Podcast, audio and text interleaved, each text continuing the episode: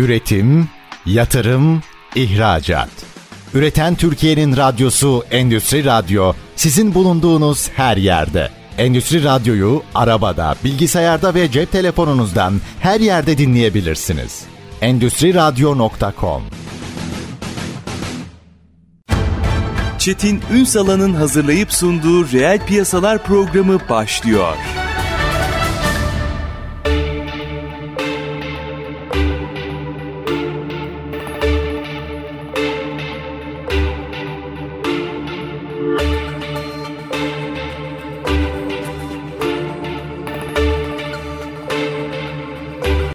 Reel piyasalardan merhabalar. Türkiye'nin gerçek gündeminde birlikteyiz efendim. Bilgisayar desem hepimiz o kadar doğallaştırdık ki bu işi. Sanki hani işte kıyafetimizmiş gibi, saatimizmiş gibi doğal hale geldi. E çok değil çok kısa süre içerisinde hepimiz için böyle mucize aletlerdi. Gün o mucize aletleri bambaşka yerlerde kullanmak için aslında önemli bir araç haline getirdik. Bütün bunları konuşacağız. Türkiye'nin bilgisayarlaşma, bilgisayar sahiplik oranını konuşacağız. Kullanımı doğru kullanabiliyor muyuz? Mesela bu kritik bir konu. Bunu konuşacağız. Bir sürü teknolojik gelişmeden şeylerden bahsediyoruz. Dijital dönüşüm bahsediyoruz. İşte metaverse diyoruz. Yapay zeka, oyun sektörü bence şu anda bilgisayarla eşleştiğinde kendi oğlumdan da biliyorum. Anormal konsantre olunan bir alan. Yani o evet mobilize olduk. Cep telefonları hayatımızda ama hayır. Oyun oynayacaksa mesela dönüyor iyi bir bilgisayarın peşinde koşuyor. Gençler orada bambaşka bir alan yaratıldı. Hepsini mercek altına alacağız. Kıymetli bir konuğumuz var. Asus Türkiye Sistem İş Birimi Ülke Müdürü Özge Kılıç Güler. Bugün reel piyasaların konu. Sayın Güler yayınımıza hoş geldiniz efendim. Hoş bulduk. Ne kadar kısa sürede gerçekten doğallaştırdık değil mi hayatımızda? Geleceğiz ama şöyle dünden bugüne şöyle sizden de bir analiz almak isterim. Nereden nereye geldik gerçekten? Bugün çok doğal hayatımızda bilgisayar. Evet. Çünkü aslında teknolojiyi insan her zaman belki de hayatında bekliyordu bir noktasında. Daha kolay, daha rahat, daha belki de eğlenceli. Çünkü aslında hayatımızda konfor getiriyor ama aynı zamanda bizi oyalıyor da hani birçok noktada. Eskiden sadece televizyon vardı, hı hı. radyo vardı ve e, hani bunları arabanızda ya da ne bileyim bir kafeye götüremezdiniz. işle ev arası taşıyamazdınız. Dolayısıyla hani arada boşluklar vardı. Ama tablet gibi, bilgisayar gibi teknolojik aletler tabii telefon da bunlar yılların içerisinde bu farkı kapattı ve insanların gerçekten hani o büyük boşluğunu kapattı. Ha ne var bir yandan tabii ki sosyalleşmesini azalttı. Oyun dediğinizde aklıma gelen gençlerle ilgili ilk etapta bu geliyor. Çünkü annelerin hep ilk başta sorusu ya benim çocuğuma sosyal mi olacak acaba o bilgisayarın başından? Halbuki orada bambaşka bir sosyallik yaşıyorlar. diye. Evet benim de onlara söylediğim kulaklığı var mı? Birileriyle konuşuyor mu? Evet okey arkadaş grubu olarak girmişler o zaman bir hmm. oyuna ve orada aslında sohbet edip sosyalleşiyorlar. Sadece, sadece fiziksel temas yok yok. Tabii ki bilmiyorum bunun ileride hani ne noktaya gideceğini Hiç gerçekten hani asosyal noktasına getirecek mi ya da hayat böyle mi? Çünkü bununla ilgili bilmiyorum hani sinema zevkiniz ama çok fazla böyle hani kurgu filmler var ileride. Evet, evet. Aslında hayatın insanların kutuların içinde yaşayacağı ve o kutuların içerisinden sanal bir ortamda gerçek hayatlarını sürdüreceklerine dair. Ha oraya kadar gider miyiz bilmiyorum ama şu noktada zararlı görünmüyor çünkü gençler bir şekilde orada iletişim kurup birbirleriyle aslında etkileşim içerisine giriyorlar. Ve o gençlerin aslında çok önemli arkadaşlarından biri arkadaşlarıyla buluşmada noktası. Evet bize göre sizi demiyorum bize göre X kuşağına göre biraz farklı geliyor olabilir ama Hı-hı. o da onların gerçeği. Şimdi Doğru. bunu yargılamak e, bize düşmez. Realite oysa ona göre konuşmak lazım. Doğru. Peki bir de böyle tarihi gaflar vardır bilirsiniz. Şimdi hani firma ismi söylemeyeyim. Dünyada 5 tane falan bilgisayar olacak diye tarihi gaflar vardır. O kadar devasa Öngörüsüzlük bir şey. Dünya... e, e, evet. Şimdi ya böyle tarihi gaflar laflar vardır. Evet. Amerikan Patent Daire Başkanı'nda keşfedilecek her şey keşfedildi. 40'larda mı 50'lerde mi ne? Bundan sonra artık bir şey keşfedilmez dediği laflar da vardır ama mesela bilgisayar bir bilgisayar şirketinin sahibi söylemiş bunu. Hı hı. Bu kadar devasa bir şey nereye girebilir ki? Gün dünyada olsa olsa 5 tane olur de, dediği noktada. Tabii şimdi o zamanki var. büyüklüğü ve kapladığı hacim ve yaptığı işlem olunca e, Bugün tabii bambaşka ki. bir yere geldik. Ama İnsan şunu sormadan edemiyor. Ofislerimizde hatta her yere ofis ederek bilgisayar sayesinde veya evlerimizde farklı amaçlarla bu bilgisayarları kullanıyoruz da nasıl kullanıyoruz? Biraz şu kullanım oranlarına, yaklaşımlarına biraz açalım mı? Olur tabii ki. Yani ben Aslında hani çok açıklıkla konuşmak istiyorum. Çünkü insanların dinlerken bir şekilde yönlenmelerini ve hani buradan bir takım fikirler edinmelerini istiyorum. Çünkü Türk kullanıcısı olarak aslında biz kendi kullanım senaryolarımıza göre satın alma yapmıyoruz. Hı hı. Daha çok hayalini kurduğumuz almak istediğimiz aslında birçok fonksiyonunu kullanmayacak olsak da gösterişli olmasına bakıyoruz. O yüzden de birçok noktada hataya da sevk olabiliyoruz. Ya da bazı kullanıcı kitlesi var ki sadece fiyata odaklanıyor. Aslında ihtiyacı olan performansını tabii ki ekonomik anlamda fiyata odaklanmaları gereken noktalar var ama böyle bir kısıtımız yoksa gerçekten ihtiyacı yönelik beklediğiniz performansa yönelik hareket etmeniz gerekiyor. Aslında bence kritik nokta o. Yani bir şeyin parasını veriyorsanız bir şey de yapıyor olmanız lazım. Evet mesela bazı diyelim ki giriş seviyesi bir segmentten bahsediyoruz. Celeron işlemciye sahip 14-15 nokta inç özelliğe sahip bilgisayarlar. Çoğunlukla bize gelen problem istediğim performansa sahip değil. Çünkü evet o Celeron işlemciye sahip ve o aslında fiyat performans ürünü. Hani insanların internete girip birkaç Excel açıp ofis kullanıp hani hayatlarını sürdürebilecekleri bir bilgisayar. Ama iki tane videoyu aynı anda açtığınızda ya takılma yaratır ya problem yaşarsınız ya geç açılır.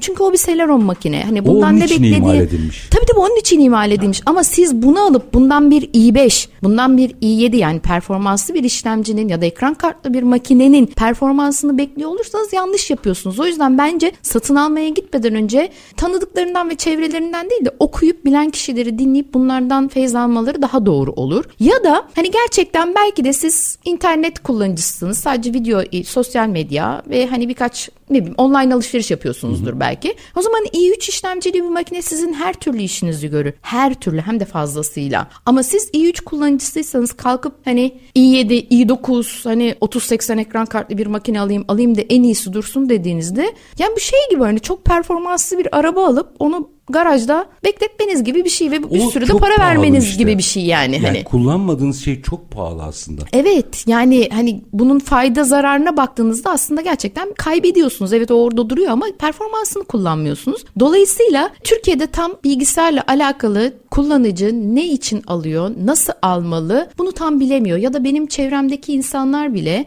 hani benim arkadaşlarım bazıları sektörden bazıları değil ama sektörden olan insanlar bile bana gelip şey diyor hangi makineyi alayım? Bilmiyorum ki var? çünkü bu çok kişisel. Hani çok o kadar bana, kıymetli bir şey söylüyorsun. Yani bana ki. şey gibi geliyor. Hangi parfümü alayım? Ya bilmiyorum ki sen nasıl kokmak istiyorsun. E, dolayısıyla benim sana verebileceğim bir reçete yok mu? Ya bana şunu dese benim bunları bunları bunları kullanacağım. Mobil olmasını istiyorum. Çantamda taşıyacağım ya da hiç taşımayacağım. Evde bırakacağım. Bunları detayları söylese en azından ben ona profili çizebilirim. Ama bana hiçbir kullanıcı özelliğini söylenmeden, kişiselleştirmeden ben ne alayım dediklerinde ben donup kalıyorum. Onlar da donup kalıyorlar. Güncük cevap veremem söylememe çok şaşırıyor. Ki sektörün yetkin bir ismi olarak e, aslında ama takılıyorum çünkü çok da doğal aslında. Şöyle söyleyeyim her çeyrek biz 3 aylık çeyrekler bazında ürünleri yenileriz ve yeni modeller yeni çünkü sürekli bir şey değişir bilgisayarın. Doğru. Kasası değişir, jenerasyonu değişir. Bunlar biz bunları değiştirmesek işlemci yeni jenerasyon gelir. İşlemci değişmese Yazılım yeni jenerasyon gelir. Yazılım olmasa ekran kartının yeni jenerasyonu gelir. Yani her 3 ayda bir mutlaka makinede bir şey değişir. Dolayısıyla her 3 aylık periyotlarda 150 eski üzerine çalışıyoruz ve yaklaşık herhalde her birinde 50 model geliyor. Şimdi bunların içerisinden hangisini sana söyleyeyim? Hepsi benim bebeğim.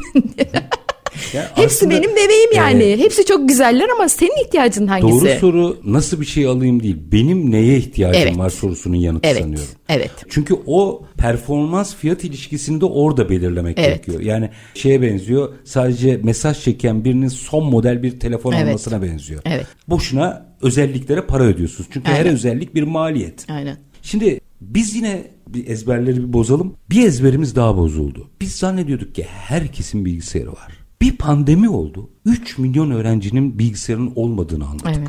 İşte pandemi bize bu alanda ne öğretti? Biraz onu da konuşalım.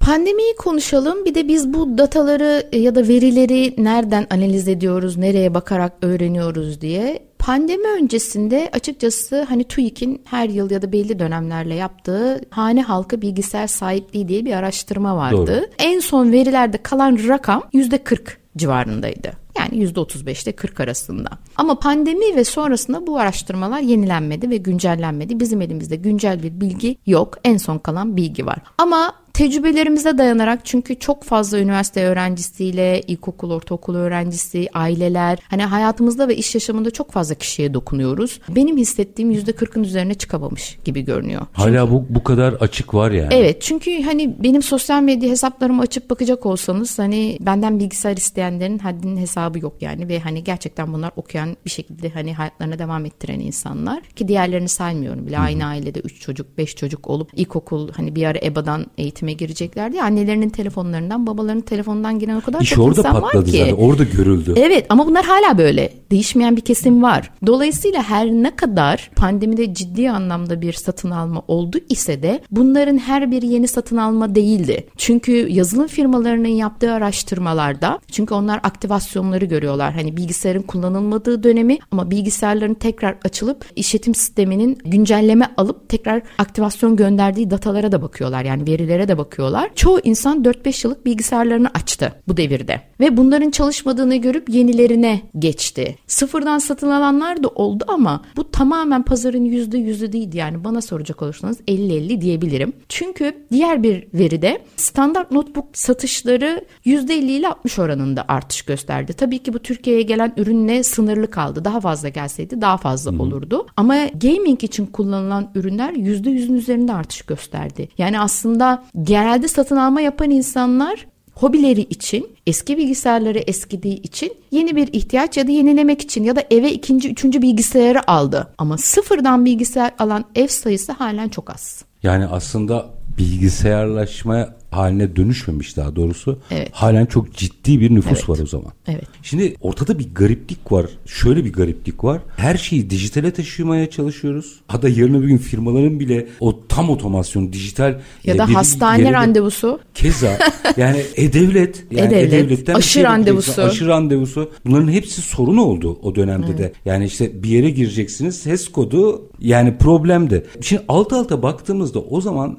belki biraz dünya ile mukayese etmek lazım. Dünyada da oranlar aynı mı yoksa biz açık noktada mıyız? Aynı değil çünkü hani biz kendimizi genelde Avrupa ile kıyaslıyoruz. Amerika, Afrika bunlar bizden çok uzak noktalar. Ee, en yakın olduğumuz nokta Avrupa olduğu için Avrupa'da böyle değil. Zaten hepsi gelişmiş ülke olduğu için belli bir sahiplik oranı var. Bir de sonuçta devletlerin bununla ilgili aldıkları önlemler var. Ya da insanların gelir seviyeleriyle ilgili aldıkları önlemler var. Çoğu ülkede asgari ücret gerçekten insanların yaşam koşullarını ve gereklilerini sağlayabilecekleri düzeyde. Oranda değil. Oranda. Düzeyde, evet. Bir de şey asgari Türkiye'de ücret alan mesela değil. Avrupa ortalaması y- çalışanların yüzde dördü. Evet ya da hani Avrupa'da bir işçiyi düşündüğünüzde işçi maaşıyla hani bir yıllık iki yıllık gelirinden biriktirip ikinci bir araç alıp sürebiliyor. Türkiye'de bunun imkanı yok. Çünkü artık bilgisayarlar öyle oldu. Mesela bir askeri ücret şu an 5000 küsüre denk geliyor nette aylık ama bunu 3-4 kişilik bir aile aldığında açlık sınırının altına denk geliyor. Ama bir Celeron makineden bahsettiğimiz ki Celeron bu bahsettiğim en giriş seviye olan ürün. Şu an şirketler zarar ederek 4999'a satıyorlar. Zarar ederek. Zarar zaten. ederek. Kur malum. Evet. Çünkü yani dış tedariği çok yüksek olan. Bu arada ben burada şunu söylemek istiyorum. Bana gelen sorulardan birçoğu da bununla alakalı. Hani fiyatlar ne kadar arttı diye. Şimdi Sonuçta bilgisayar sektörü dolara endeksli Kur bir kadar arttı sektör. diye. Kur kadar arttı ama enflasyon kurdan daha fazla arttı. Yani şöyle söyleyeyim. Aldığınız bilgisayarın fiyatının artışından daha fazla sütte para ödüyorsunuz. Sütün artışını ödediniz. Süt dört katına çıktı ama bilgisayar dört katına çıkmadı. Şimdi doğru mu anlıyorum? Kuru yansıttı firmalar ama enflasyon farkını yansıtamıyorlar. Enflasyon kurdan önde gidiyor çünkü. Yani enflasyona bakacak olursanız 2'ye 3'e katlıyor Tabii ama kur 2'ye 3'e katlamadı. Bambaşka bir handikap var. Minik bir araya gideceğim ama bunu biraz detaylandırmakta fayda var. Piyasayı doğru okumak adına enflasyon farkını yansıttığınızda da satın alma yapılamayacak. Şimdi öyle bir çelişki var değil mi? Öyle bir beklentimiz yok çünkü bizim enflasyon farkını yansıtmaya ihtiyacımız yok. Çünkü bizim maliyetlerimiz gereği Türkiye'ye dolar getirdiğimiz ürünü dolara endeksleyip TL karşılığında sattığımızda bizim için yeterli. Bizim enflasyon farkı yaratıp Türkiye'den kazanacağımız bir fayda yok. Böyle bir şeyin peşinde değiliz. Ki aksine kullanıcı kur farkını daha fazla yaşamasın diye biz promosyonlarla fiyatları aşağı çekiyoruz. Kuru aşağı çekiyorsunuz aslında bir anlamda. Evet. Ya bunu biraz konuşalım. Çünkü piyasada ne oluyor? Hani sahada ne oluyor? Birazcık daha açmak isterim. Minik bir araya gidelim. Aranın ardından efendim Türkiye'de bilgisayar piyasasını mercek altına alıyoruz. Her yönüyle alacağız. Az sonra Sayın Güler bir gaming oyun sektörüne atıfta bulundu. Böyle üzerine kapattım geçtim. Çünkü oyunu özellikle konuşmak istiyorum. Orası bambaşka bir alan. konuşacağız. Kısa bir araya gidelim. Asus Türkiye Sistem İş Birimi Ülke Müdürü Özge Kılıç Güler'le sohbetimiz devam edecek. Lütfen bizden ayrılmayın. Üretim, yatırım, ihracat. Üreten Türkiye'nin radyosu Endüstri Radyo sizin bulunduğunuz her yerde. Endüstri Radyo'yu arabada, bilgisayarda ve cep telefonunuzdan her yerde dinleyebilirsiniz. Endüstri Radyo.com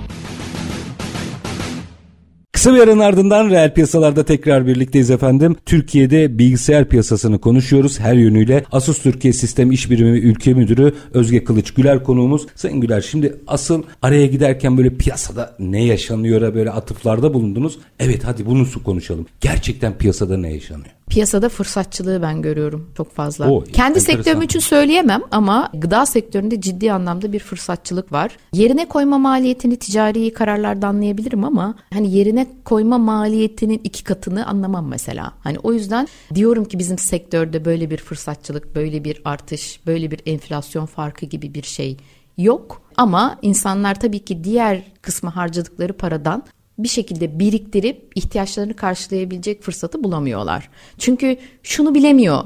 Ben bir bilgisayar aldım. 6 taksite böldürdüm. 9 taksite böldürdüm. Benim bugünkü mutfak harcamam 1000 lira ya da elektrik, doğalgaz aklınıza ne geliyorsa 1000 lira. Bilmiyor ki 6 ay sonra da 1000 lira mı olacak? Ya 2000 lira olursa ne Hatta yapacak? olmayacağını biliyor. Çünkü 2000 lira olursa eksiye düşüyor. Maaşından geriye gitmiş olacak. Diğer taksit problem haline gelmiş. Evet. O yüzden insanlar borçlanamıyorlar. Ya da şöyle söyleyeyim. Tüm dünyada şu an Türkiye'ye hayretle bakıyorlar. Hani global firmalarla, vendorlarla konuştuğumuzda bunlar bahsettiğim hani bizler de üreticiyiz ama bizim de çalıştığımız üreticiler var sonuçta Microsoft gibi, Intel Markalara gibi, girmeyelim, hı. pardon. Üreticiler var. Onlarla konuştuğumuzda da Türkiye'de halen satın alma ve büyüme devam ediyor. Evet hani eksi büyüme hani devam ediyor ama globale bakacak olursanız artıdayız bir şekilde ve anlamlandırmaya çalışıyorlar. Şimdi Avrupa'ya baktığınızda herkes enflasyon artışı için sokaklara döküldü, yürüyüşler yapıyor. Türkiye'de böyle bir şey yok. Türkiye'de %80 şu an geçen yılın aynı dönemine göre. Avrupa'da %15'e aşan bir Avrupa ülkesi yok şu an benim baktığımda. Çoğu 9, 10, 12, 15 en fazla. Alımı durduruyorlar ve bunu bir fırsat olarak görmüyorlar. Diyorlar ki param yoksa ben almayayım. Türkiye'de olan durum şu. Bu herhalde Türk insanının içine işlemiş bir şey. Diyor ki bugün almazsam yarın alamayacağım. Yarın bir şekilde alamayacağım. Dolayısıyla benim bunu bugün almam lazım. Bugün 1000 liraysa yarın bu 1200 lira olacak. 1500 lira olacak. Alma şansımı kaybedeceğim. O yüzden ben bugün almalıyım dedikleri için bizde halen pazar devam ediyor. Alınmış kardır mantığı yani. Öyle bakıyorlar. O yüzden hani aslında Avrupa'daki insanlar ve bu üreticiler Türkiye'ye şaşkınlıkla bakıyorlar. Çünkü her yer durmuşken Türkiye bir şikayet ediyorsunuz diyorlar enflasyonlar. Aslında en çok sizin duruyor olmanız lazım. Sizin satın almayı durduruyor olmanız lazım. Ama hayır burada ilerliyor. Çünkü insanlar bu fırsatı kaçırmak istemedikleri için o trene biniyorlar. Çünkü yarınlarını bilmiyorlar ne olacağını. Yaşanmışını söyleyeyim mi? bir gün oğlum geldi. Bir bilgisayar yenilemesi yapacaktı. Çok iyi bir fiyat buldum bu arada ama söylediği yüksek bir fiyattı. Bence bunu ben bugün alayım dedi. Niye dedim? Hissediyorum bu artacak dedi. Hissediyorum. Yani şey takip etmiş tabii. Evet, Hissediyor derken süreci takip etmiş. Tamam dedim yani öyle diyorsan al. 24 saat sonra %50'si kadar arttı fiyat. evet Şimdi buradan sağlamasını yapınca tüketici haksız mı? haklı. Geri gelmeyeceğini biliyor çünkü. Belki şuradan konuşmak lazım. Bu bir lüks değil. Şimdi bunu biraz konuşalım mı? Eskiden bir bilgisayar almak lüks sayılabilirdi. Bugün bilgisayarla ilgili ki bu hani e, bildiğimiz sabit de olabilir, taşınabilir de olabilir. Lüks olmaktan çıktı. Bu artık bir okul, bu artık bir e, iş yeri, Alışveriş. ofis, alışveriş, Hobi. devletle ilişkiniz Evet. vesaire vesaire vesaire. Şimdi o zaman bizim lüks tanımını bir yeniden ele alıp bilgisayarı lüks olmaktan çıkarmamız gerekmiyor mu? Evet. Bizde hala a bilgisayarın varsa noktası var. Peki sektör bundan rahatsız mı? Siz kendi aranızda ne konuşuyorsunuz? Ya biz aslında biraz daha sosyal sorumluluk çerçevesinde bunu değerlendiriyoruz. Evet çünkü şu an dediğim gibi diğer ülkelere bakacak olursak burada halen ilerleyen bir pazar var. Biz halen ticaretimize devam ediyoruz. Ama bizi halen alıma geçemeyen bir kitle var. O ilgilendiriyor. Yani şu an bilgisayar pazarına bakacak olsanız yıllık bir buçuk milyon adet satış var. Ama 2014 yılında bu 2,5 milyondu devinim. Yani. Düşmüş yani düştü. Aa, bu arada 2018'de 800 bine düşmüştü. Pandemiyle birlikte 1,5 milyona tekrar geri toparladı. Ama bana soracak olsanız eğer ekonomik anlamda şu an sıkıntılar yaşayan kitle satın almaya geçtiğinde pazar minimum 3 milyon yıllık minimum. Mantıklı. Yani şöyle diyeyim bir ev almak gibi değil ki bu. Evet. Evi alırsınız ve durur. Şimdi bu evet. teknoloji geliştikçe sürekli yenilenmesi gereken bir ürün haline evet. gelmiş vaziyette. Evet. Yani işte bir tane bilgisayarım var artık benim bu işimi görür diyemiyor kimse. Evet. 4 sene sonra ki biraz sonra açacağım. Bambaşka teknolojiler geldiğinde o bilgisayarınız artık iş görmüyor. Aynen. Buna rağmen düşmüş olması bence çok anlamlı. Evet bir de çoğu insan şey diye düşünüyor eğer kısıtlı bir bütçesi varsa telefon alayım o daha önemli. Onunla zaten internete girer işlerimi de hallederim diye düşünüyor. Ama günün sonunda geldiği nokta öyle olmuyor. Çünkü telefondaki yazılımlar zaten kısıtlı. Bilgisayardaki ya da masa üstündeki kadar rahat kullanımlı değil ya da çoğu araç orada kullanılabilir durumda değil ya da bir konforu yok gerçekten gerçekten sürekli telefonda bazı oyun oynamanın bile belli bir sınırı var yani. Ben yazımı yazamam mesela evet. orada yani. Bu Ama basit. En azından hani seçmek zorunda kaldıklarında teknoloji harcamalarını bu telefon oluyor. Bilgisayar ikinci sırada geliyor aslında bu da bir problem. Ya da bir dönem tabletler vardı şu an tabii ki çok azaldı. Çünkü tabletler çok arada kaldı. Telefonla bilgisayar arasında. Telefonu varsa tablete ihtiyacı olmadı. Ya da tablete varsa bilgisayara ihtiyacı olmadı ya da tam tersi. O yüzden bilgisayarlar tekrar hayata geri döndü. Pandemiyle birlikte insanlar aslında konforun burada olduğunu ve daha rahat kullanım alanı yaşadıklarını hissettiler ve gerçekten bilgisayar tekrar geri döndü ama harcama sıralamasında halen ikinci noktada. Enteresan. Yani tercihimizi o zaman işten okuldan yana yapmıyoruz. Biraz daha sosyalleşmeden yapıyoruz Tabii, öyle Yani telefon değiştirme hızına bakacak olursanız o Türkiye'nin ortalaması 6 ay gibi bir rakam. Çok hızlı değiştiriyoruz yani. Ama bilgisayara bakacak olursanız bu bahsettiğim 2,5 milyonluk pazarın olduğu dönemlerde 2 yılda bir insanlar bilgisayarlarını değiştirirlerdi. Maksimum 3 yıl. Ama şimdi geldiğimiz noktada 4-5 yılı buluyor insanların bilgisayarını değiştirmesi. 6 ay nerede? 4-5 yıl nerede ki aslında hani devletin koyduğu regülasyona bakacak olursanız da 5 yıldan sonra firmalar destek sağlamayı bırakıyorlar. Orada enteresan bir çelişki yok mu? Geçmiş yıllarda daha seri bilgisayarları değiştiriyor. Bunun çeşitli nedenleri var. Ekonomik bir ekonomik ama teknolojinin değişim hızına baktığınızda bizim aslında çok da kısa sürede aslında evet. değiştiriyor olmamız lazım. Ama orada Tezatlı telefonun da devreye girmiş olması da etkiliyor bu devinimi. Hmm, o dengeledi diyorsunuz. Tabii. Peki yine bir nokta madem oraya geldik orayı açalım. Bütün bu sorunları bir kenara koyun lütfen. Bir tarafta bir dünya var. Herkes işte e, meta dünyasından, metaverse'ten bahsediyor, sanal gerçeklikten bahsediyor. Bambaşka noktalara gidiyoruz deniliyor. Artık her şey dijital olacak. İşte arttırılmış gerçeklikler şunlar. Bakın daha hala oyuna girmedim. Çünkü oyun başlı başına konuşulması gereken bir şey evet. çünkü. Ama bütün bunların içerisinde yani benim eldeki alet buna ne kadar evet. uyum sağlayacak? Tartışmanın burada yapılması gerekmiyor mu? Şey teknolojik olarak yapabilirsiniz. Ben satın alabiliyor muyum?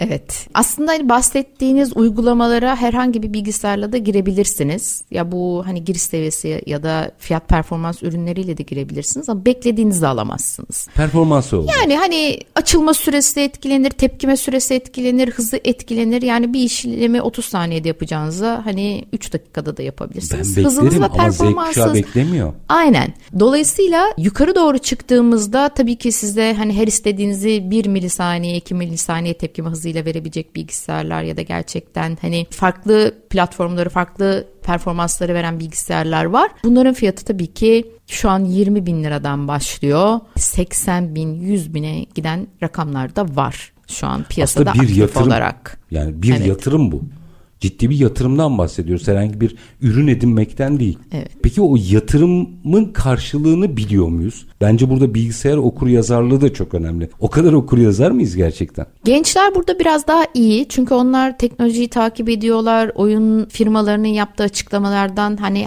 oynadıkları oyunun hangi performans ya da hangi bileşenlere sahip bilgisayarlarda daha rahat bir verim alabileceklerini çalışıyorlar ve dolayısıyla satın alma yaparken bunu bilinçli bir şekilde yapıyorlar. Ya da hangi boyutta daha rahat edecek yani hangi ekipmanla daha rahat edecek. Çünkü bu arada opsiyon çok fazla. Yani bilgisayarın sadece boyutu, performansı, pil süresi, ağırlığı değil artık çift ekranlı mı tek ekranlı mı touchpad bölümünde ekran olup çift kullanım sağlıyor mu sağlamıyor mu yoksa tablete dönüşebiliyor mu dönüşmüyor mu değişkenleri de var. Dolayısıyla genç dediğimiz oyunla ilgilenen kesim bunu biliyor. Ama bunun dışında kalanlar bu konuya çok hakim değiller. Hakim olmaları da gerekli mi eğer oyun oynamıyorlarsa? Eğer bir tasarımcıysanız siz zaten tasarımcı olarak yine bu konuda eğitimli ve hani daha önceki tecrübelerinize dayanarak ne alacağınızı biliyorsunuz. Ekran kartsız bir ürün almayacağınızı biliyorsunuz ya da standart işlemcili bir ürün almanız gerektiğini biliyorsunuz. Dolayısıyla bunlar için de konuşmuyorum. Ama eğer standart bir kullanıcıysanız zaten üst segmentin size neler getirdiğini bilmenize gerek yok. Hı hı. Çünkü orası ayrı bir dünya, ayrı bir değişken, ayrı bileşenleri var. O yüzden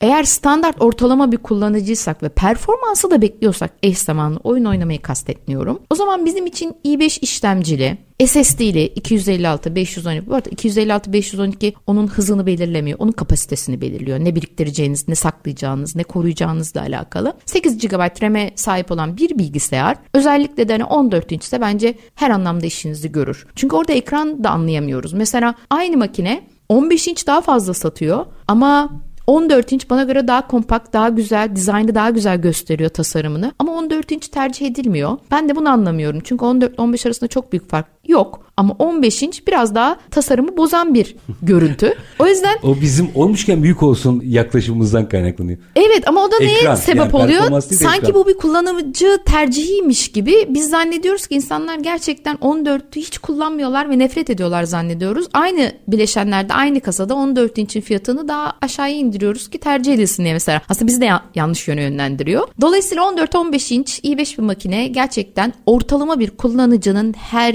ihtiyacını görür her ihtiyacını. Dolayısıyla i7'ymiş, daha büyük ekran kartıymış vesairemiş bunlara ihtiyacı yok zaten kullanıcının. O yüzden her şeyde hakim olmaları gerekmiyor ama ben bazen gizli kullanıcı yapıyorum. Teknoloji marketlerinde bakıyorum ne oluyor diye. Çünkü orada da satışta görevli arkadaşlarımız var. Bize bordrolu olan arkadaşlarımız. Bazı insanlar böyle kapıdan giriyor, bilgisayar reyonunu görüyor ve etrafa bakıp duruyor. Gitmiyor bilgisayarın yanına. Ürküyordur. Yani bakmıyor. Zaten etiketler durum, çok karışık. Durum var ama ürkme evet. durum var tüketimde. Ve en sonunda bakıyorum böyle satış temsilcilerinden biri durumu fark ediyor onun kapıda beklediğini. Gidiyor koluna giriyor. Birlikte gidiyorlar ve o satın alma kapanıyor. Ama o kişi gelene kadar birey Harekete o geçiyor. standın başına geçmiyor.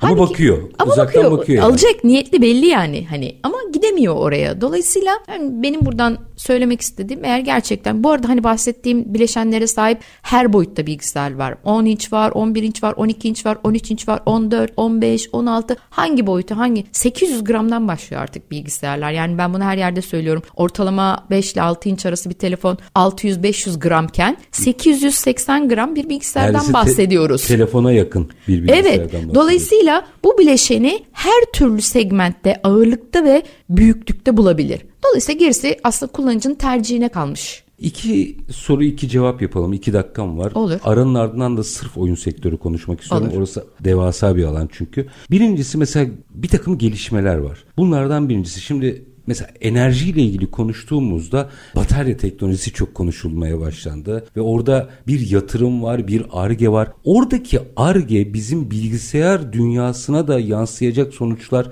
getirir mi? Öngörünüzü merak ediyorum. Bununla zaten. ilgili çalışmalar var zaten. Özellikle Asus 2000 yılından itibaren Yeşil Asus birimi adı altında kurulmuş sürdürülebilirliği destekleyen bir departmanı var. O yıldan bu yana bilgisayarların pil kullandıkları enerjilerde %30 35 oranında bir bir azalma var. Hatta %70'e varan enerji tasarrufları var bugüne kadar gelmiş. Yansıyor yani o argeler evet. oraya. Bu arada bizim dünya çapında 15 bin çalışanımız var ve bunun 5 bin arge. Çok Üçte biri. Ve herhangi bir teknoloji firmasında böyle bir oran göremezsiniz. O yüzden biz zaten teknolojiyi üreten bir firmayız. Satın alan bir firma değiliz. O yüzden biz bugüne kadar %70 tabii ki ürün bazlı değişiyor. 30 ile 70 arasında bir enerji tasarrufu sağlamışız zaten ürünlerimizde. Üretirken ayrı, ürettikten sonra da bilgisayarın kullandığı enerji ayrı. Bugünden sonra da diyoruz ki bunun üzerine biz 2025 yılına kadar %50 daha tasarruf edeceğiz diyoruz. Çok Ve bunlar yani. gerçekten bizim eylem planımızla birlikte global anlamda açıklanmış yazılı sözler. Ve sadece ürettiğimiz ürünlerin kullandığı enerji demiyoruz yine.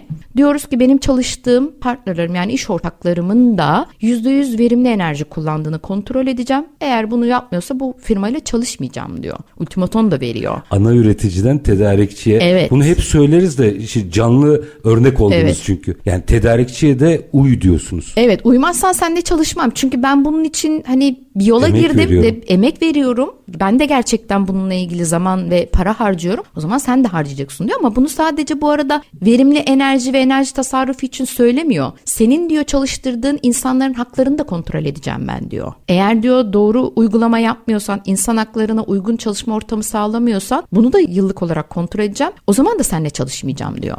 İşin rengi değişti yani. Evet. Artık ana firmalar yani ana alıcılar diyelim tedarikçilerini buraya çekiyor ya da tedarikçiyle çalışmıyor. Yani çok basit formül aslında. Evet.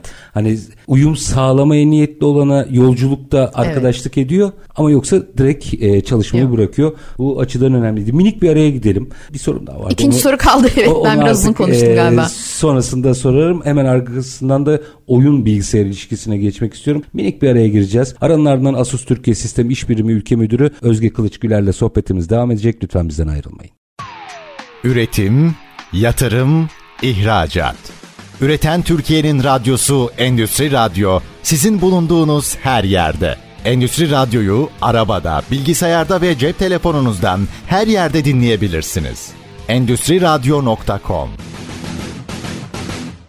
Kısa bir aranın ardından reel piyasalarda bilgisayar piyasasını konuşmaya devam ediyoruz. Konuğumuz Asus Türkiye Sistem İş Birimi Ülke Müdürü Özge Kılıç Güler. Şimdi Sayın Güler oyun meselesine geçeceğim ama bir soru daha sorayım. E, o eksik kalmıştı. Tamam. Tedarik noktasında şunu merak ediyorum. Şimdi biz bütün fabrikaları dijitalleştirmeye çalışıyoruz ya. Hepsi bir ekran kullanacak neticede. yani günün sonunda baktığınızda bu bilgisayar sektörü açısından düşündürücü bir şey mi? O ekran üretimi açısından yoksa o ihtiyaç karşılanabiliyor mu? Şu an ihtiyaç karşılanabiliyor. Pandemide hazırlıksız yakalanıldığı için ve aslında üretimin büyük bir çoğunluğu da Çin'de olduğu için fabrikaların, bizim de fabrikalarımız Çin'de. Herhalde %90'ı Çin'dedir diyebilirim. Çoğu teknoloji Evet. zaten. Bu arada bizim parça aldığımız fabrikalar da yine Çin'de. Yani biz üretemiyoruz ayrı, bize parça üretecek adamlar da üretemiyorlar. Dolayısıyla pandemi beklenilen bir durum değildi ve herkes hazırlıksız O yakalandı. çok ekstra zaten. Evet Olağanüstü orada bir Onu problem yaşandı. Durumu. Evet yani ama en çok da panelde mesela problem yaşandı. Panel almakta üreticiler ciddi anlamda sıkıntı yaşadılar. Yani biz aslında işlemci buluyorduk ama onu eşleştirebileceğimiz paneli bulamadığımız için üretime geçemiyorduk gibi bir durum oluyordu. Bu geçti. Şu an Dengelendi mi artık? Dengelendi. Herhalde geçen yılın başından itibaren yani 2021 Aralık'tan itibaren biz tedarikle ilgili herhangi bir problem yaşamıyoruz. Tabii ki çok fazla söylentiler var. Hani halen Çin'de enerji kısıntıları var ya da alınan ciddi önlemler var. Bence bir iktisadi politik olarak yapıyor ayrı Evet bir şey ama Eylül, Eylül ayı gibi falan böyle biraz etkilenir gibi olduk ama o hani piyasaya yansıyacak derecede olmadı. Zaten stoklu yani 6-8 hafta minimum stok tuttuğumuz için bütün ürünlerimiz gemiyle geliyor. Gemiyle gelmek de nereden baksanız 4-5 hafta sürdüğü için zaten IT yani teknoloji üreticileri stoklu çalışan firmalardır. Dolayısıyla oradaki gecikmeler bizleri etkilemedi. Pazarda rafta her zaman ürün vardı. Şu an için bir problem yaşamıyoruz ya da geçmişte hani biliyorum belki de çip kriziyle ilgili de merak edilen bir şey. Ya o çip ben, krizi e, küçük üreticileri etkiledi. üretimden çok onun bence çipin kullanıldığı alanın yaygınlaşmasıyla çok doğru orantılı olduğunu düşünüyorum. Evet ya da hani 1 dolara çip alanlar hani 2 dolara çip alan sektörleri etkiledi. Çünkü üreticiler ucuza sattıkları ürünleri üretmek istemediler kısıtlı kaynaklarla. Çok da doğru. 100 dolara, 150 dolara, 200 dolara işlemciyi içine koydukları çipleri çiplerle daha fazla ilgilendiler. Bunları ürettiler. Bunlar da kim? Biziz zaten. Yani Hani o çok yani bir dünyanın her yerinde bir Evet. üretici büyük montanlı işlerinde tedarik sıkıntısı çektirmez. Evet. Olağanüstü bir durum olmadıysa. Evet.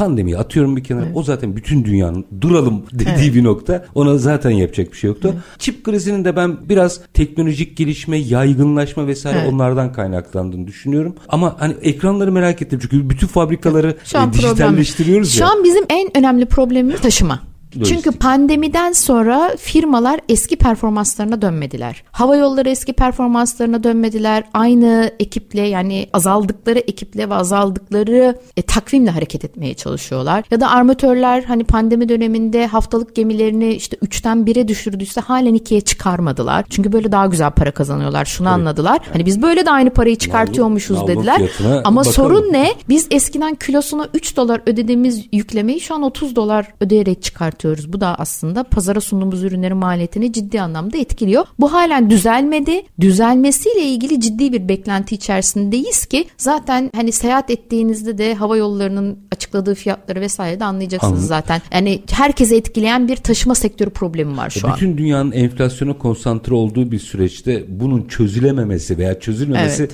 mümkün değil. Aksiyon almıyorlar. Aksiyon almıyorlar, bekleniyor. Hatta işte teorilere göre dünyaya Çin enflasyonu ihraç etti falan gibi böyle bir sürü teori de var. Biz dönelim tekrar Evet. bilgisayara. Oyun. Müthiş bir tüketici grubu var orada. Enteresan işte oyun deyince işin rengi çok farklı noktalara gidiyor. Hani bizim normalde e, sokakta oynadığımız oyunlar kadar eğlence değil sadece. Enteresan bir sosyalleşme var. Bilgi alışverişi var. Oyunla lisan öğrenenler olduğunu biliyorum. Çok eskiden de vardı evet. Yani şey oyun oynarken karşılıklı Mecbur. konuştukları için mecburen. Ama derste şey zorlasanız yok. Yok olmuyor. Yani enteresan bir alan Evet. oldu. Ve bütün bu format teknolojiyi çok iyi takip eden ödediği parasının hakkını tam almak isteyen bir tüketici grubu yarattı. Evet. Ama para ödüyorlar. Evet. Şimdi bu pazarı biraz konuşmak lazım o zaman. Biz hep oyun sektörü açısından konuşuyoruz ama günün sonunda bunu bir aletle yapacaksınız. Bilgisayar alanını, sektörünü nasıl etkiledi bütün bu gelişmeler? Oyun sektörü aslında globalde çok çok çok öncesinden fark edilen bir pazardı. Hatta bu yüzden 2006 yılında Asus hani buna özel bir marka bile çıkarttı. Herhalde o dönem için buna yatırım yapan tek firma diyebilirim. Daha sonra markalar 2017 yılında Türkiye'de diyorum. Globalde de 2010 yılında fark ettiler böyle bir sektörün açığa çıktığını ve gerçekten büyüyeceğini. İlk etapta Kore ve Asya'da çok fazla ön plana çıktı ve hani aktif rol oynandı. Bununla ilgili e-sporlar, pazarlar, reklamlar, bilgisayarlar, Ki e-spor daha patlamadı bence. Daha da profesyonelleşecek ve büyüyecek. Ben buna farklı bir hani bakış açısına sahibim onu da konuşuruz. Dolayısıyla Asya'dan gelen bir etki vardı ve diyorum ya hani 2006 yılında Asya'da olan Asus sonuçta Tayvan merkezi bir firma buna uygun bir özel marka üretti. 2006'dan 2017'ye 11 yıl sonra Türkiye böyle bir sektörün var olduğunu fark etti ya da global markalar böyle bir sektöre yatırım yapmaları gerektiğini düşündüler. Şu an aslında çok adını bildiğimiz hani çok meşhur üreticiler 2017 yılında bilgisayarlarında oyun markasını yarattılar, hayata geçirdiler ve ona uygun üretmeye başladılar. 2017 yılında 2018 yılında Türkiye'de ligler oluşmaya başladı. Hatta yanlış hatırlamıyorsam 2018'in sonu 2019'da federasyon kuruldu e-sporla alakalı. Bir Şu final oynandı burada halen falan. aktifler. Ee, Türkiye'ye evet eskiden Final. Katowice'ye gidilirdi ama Türkiye'ye gelenler oldu. Ya da Türkiye'de Aktif bir- Şimdi gerçekten yok gerçi ama orada Evet. oldu sanıyorum. Yani, ya da Fenerbahçe'nin sahasında Aynen. bilmiyorum. Takımlar hatırlıyorum kuruldu. Bunlara lisanslı oyuncular alınmaya başlandı. Offline, online ligler kuruldu ve karşılaşmalar yapıldı. Biz o dönem 2018 yılında birçok ligin Türkiye'deki ana sponsoru bizdik. Amacımız nereye gittiğini, nasıl işlediğini anlayabilmekti. Nabız ölçüsünüz Evet, aslında. yaklaşık 2 yıl boyunca kimseye bu liglerin sponsorluğunu bırakmadık. Üniversite ligi olsun biz sponsor olduk, ESL ligi olsun biz sponsor olduk. Hepsinin karşılaşmalarına katıldık. Öğrencilerle Müthiş ya da oyuncularla tanıştık. Evet hani ciddi anlamda da yatırım yaptık ama Vay be. amacımız öğrenmekti zaten. Çok büyük bir geri dönüş beklemiyorduk.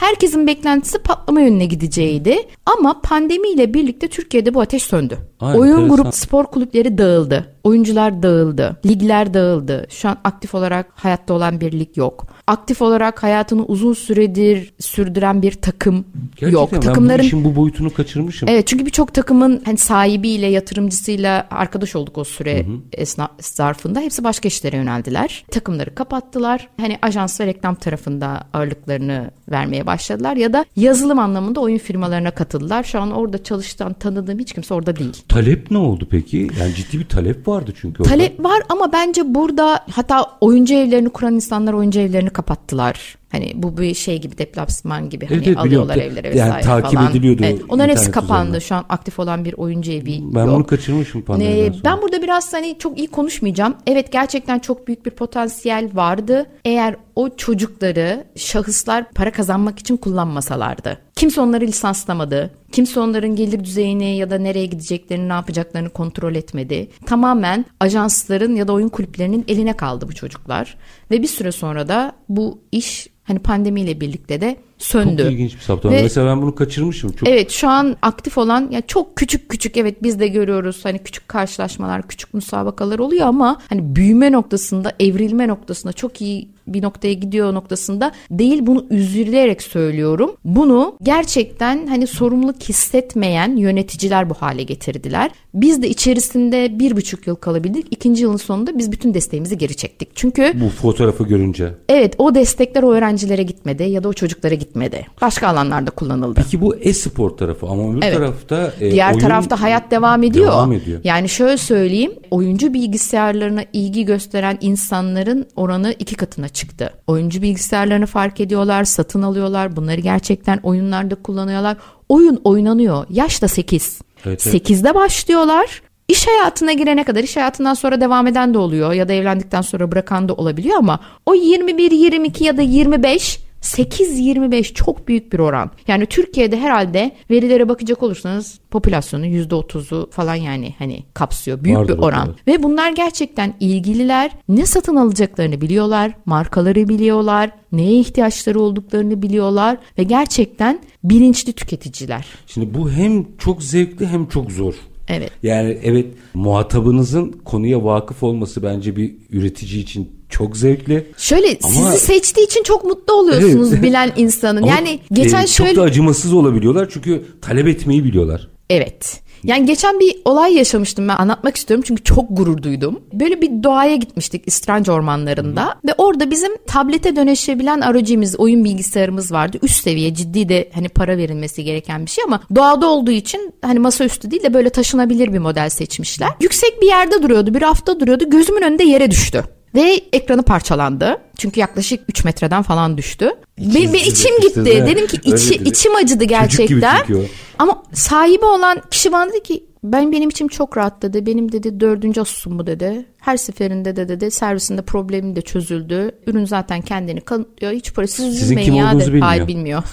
Aa çok iyi. Hiç üzülmeyin dedi. Ben bu markayla dört keredir çalışıyorum ve hiçbirinde de problem yaşamadım. Hemen yapar geri verirler. Bir problem de olmaz zaten. Dedi. Ondan sonra ben bana verir misin onu? Ben tamir ettirip sana geri getireceğim dedim. O zaman benim kim olduğumu öğrendi. Hemen geri verdik ama o süreçte zaten dayanamamış. ikincisini almış. E tabii hani ihtiyaç olduğunda beklenme, erteleme de olmuyor bu kişilerde. Ama bu bilinçle hareket ettiği ve bu bilinçle satın alma yaptığı için hani benim o hafta sonu duyduğum heyecanı ve gururu size anlatamam. O yüzden çok önemli. Yani biz hiçbir zaman hani memnun olmazsan geri getir gibi bir reklam yapmıyoruz. Çünkü memnun olmamaları gibi bir ihtimal aklımızın ucundan bile geçmiyor. Zaten öyle ihtimalle üretim yapıyorsanız sıkıntı var. Evet, e, biz her zaman diyoruz ki biz en iyisiyiz. Biz bu teknolojiyi biz üretiyoruz ve biz pazara sunuyoruz. Eğer oyuncu bilgisayarı alacaksan doğru nokta biziz. Zaten sen bunu iade etmeye aklının ucundan bile geçirmeyeceksin mantığıyla hareket ediyoruz ve benim gördüğümde genelde bu oluyor. Yine bir şeyi merak ederim. Özellikle bu oyuncu kitle açısından bakın. Bu her tüketici için de geçerli ama onların birazcık daha bilinçli olduğunu düşündüğüm için soruyorum. Forumlar,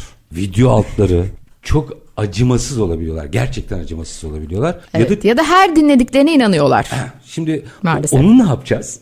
Hadi iki dakikada bunu da değerlendirelim. Yani şöyle bizim de böyle karşılaştığımız konular oluyor ve ben her biriyle tek tek ilgileniyorum. En detayına kadar servisteki arkadaşlarımla değerlendiriyoruz. Bir kere hani hepsi bize ulaşmış. O ürünler bize gelmiş, incelenmiş ve geri dönüş sağlanmış ürünler oluyor. Ama karşı taraf bunu kabul etmiyor. Eğer ki bir yayıncıysa, bir takipçi oranı varsa, eli bir yerlere ulaşıyorsa aslında haksız kazanç E, sağlanmaya çalışıyor, çalışılıyor. Evet. Yani buna rağmen hani okey eğer memnun değilsen ve gerçekten hani bu ürünle ilgili böyle kötü bir tecrübe yaşadıysan bunun serviste bir karşılığı yok çünkü ürününde aslında bir arıza yok. Hani yine de iade etmek istiyorsan biz sana parasını geri verelim diyoruz vermiyor. Ha işin o başka bir faza geçiyor. O artık popüler olma Aynen. duygusuna geçiyor. Ama beni üzen ne oluyor? Böyle yanlış yönlendirmelerde altındaki yorumlarda mesela geçen gün bir tane okumuştum. Bir aile sanırım çocuğuna bir bilgisayar alacakmış. Şöyle bir cümle kurmuş. Biz bu hafta sonu oğluma işte bu bilgisayardan almayı düşünmüştük.